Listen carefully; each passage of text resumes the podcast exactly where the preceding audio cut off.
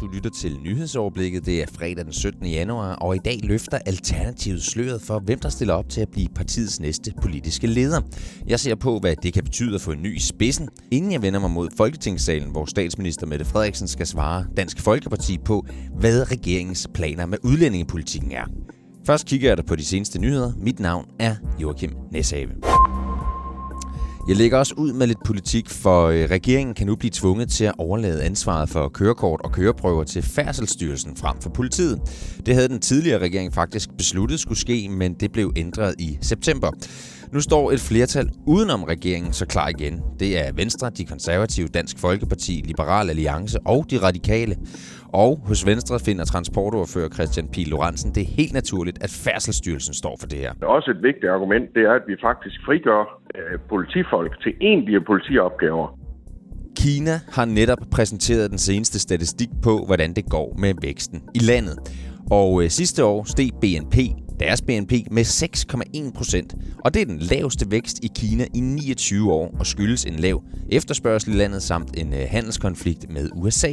Det viser tal fra landets statistiske bureau, NBS, ifølge nyhedsbureauet AFP. Vi skal have en positiv oplevelse, når vi er på Facebook og Instagram, og derfor vil Facebook ændre på algoritmerne i år, det skriver politikken. Målet er at skabe positive fællesskaber, siger Martin Ruby, der er politisk chef for Facebook i Norden. Eksperter og store forskningsprojekter har i årvis kritiseret det sociale medie for at gøre brugerne depressive og videreformidle problematisk indhold.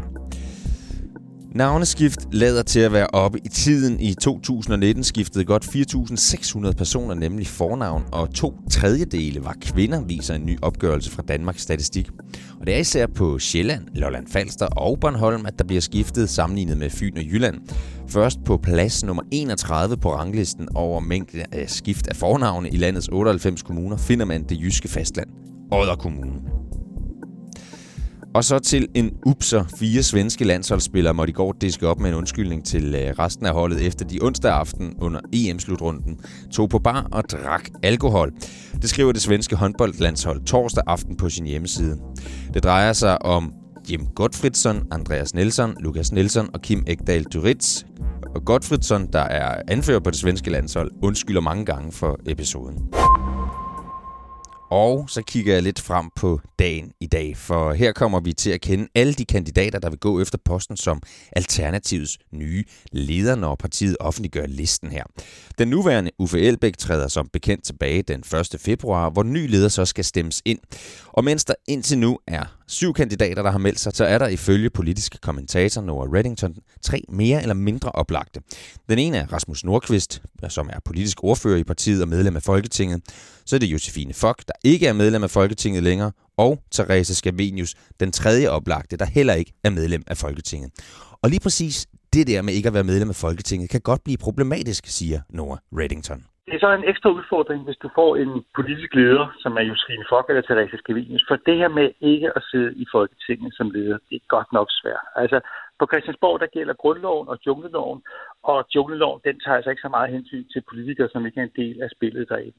Hvad vil det betyde for partiets fremtid, set med dine øjne, når der kommer en ny ledelse til, som ikke hedder Uffe Elbæk? Der er ikke nogen tvivl om, at med, med Uffe Elbæks øh, exit fra toppen i Alternativet, så forsvinder noget af den x-faktor, der har været omkring partiet. Altså det her med, at man skulle lave politik på en ny måde, man skulle tale anderledes, man skulle opføre sig anderledes.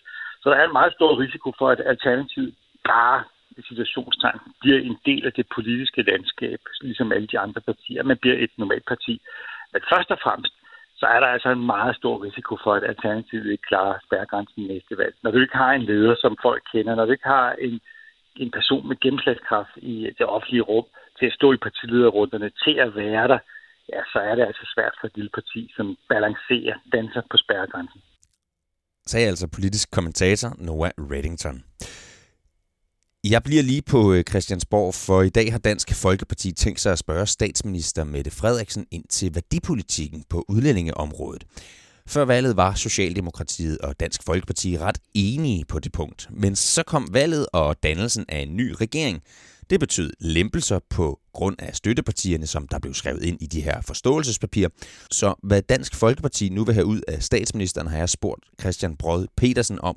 Han er Ritzaus politiske redaktør. Dansk Folkeparti de, øh, mener jo, at Socialdemokratiet har lempet for meget på udlændingepolitikken, og det er noget af det, de prøver at stille spørgsmål til statsministeren om i dag. Dansk Folkeparti de fik jo et dårligt valg, så de står ikke så stærkt, som de har gjort. Men det, der kan være farligt for Mette Frederiksen, det er, at hun, hendes, et af hendes store valgløfter, det var at føre en stram udlændingepolitik. Og hun skal passe på, at Dansk Folkeparti de ikke får øh, fat i vælgerne med øh, en fortælling om, at, at hun lemper for meget. Hvis du i løbet af dagen pludselig oplever F-16-fly hen over hovedet, så er det fordi, der er fest. 40 års jubilæet for flytypen fejres nemlig med en 10-skibs formationsflyvning over landet i dag. Første gang det er fra klokken 9 til 11, hvor ruten går ned gennem Jylland, og igen 13.30 til 10 minutter i 4, hvor turen går over Fyn og Sjælland. Flyene kommer til at flyve i godt 600 meters højde. Det er dog kun, hvis vejret er til det, at de bliver sendt op, lyder det. Og så kigger jeg lidt ind i weekenden. Lørdag, der går kvinder i hele USA på gaden til Women's March. Det sker for fjerde år i træk. Det sker blandt andet for at markere modstandspræsident Donald Trumps kvindesyn. Det er også lørdag, at tv-prisen uddeles herhjemme. Det sker for kl. 17.30. Det er her, hvor man hedrer blandt andet bedste tv-vært og programmer i året, der er gået. Fra på søndag, så skal nogen vende sig til, at priserne på kollektiv trafik stiger. Det er på Sjælland, Lolland Falster og Møn. Det er primært pendlerne, der vil mærke ændringen, lyder det fra din offentlige trafik. Fredagens vejr byder på tørt og dels solrigt vejr i den østlige del af landet, mens der i vest bliver mere skyde med regn ud på eftermiddagen. Temperaturen lægger sig mellem 6 og 8 grader og bliver skubbet af en let til frisk vind fra syd. Mit navn er Joachim Neshave. God weekend.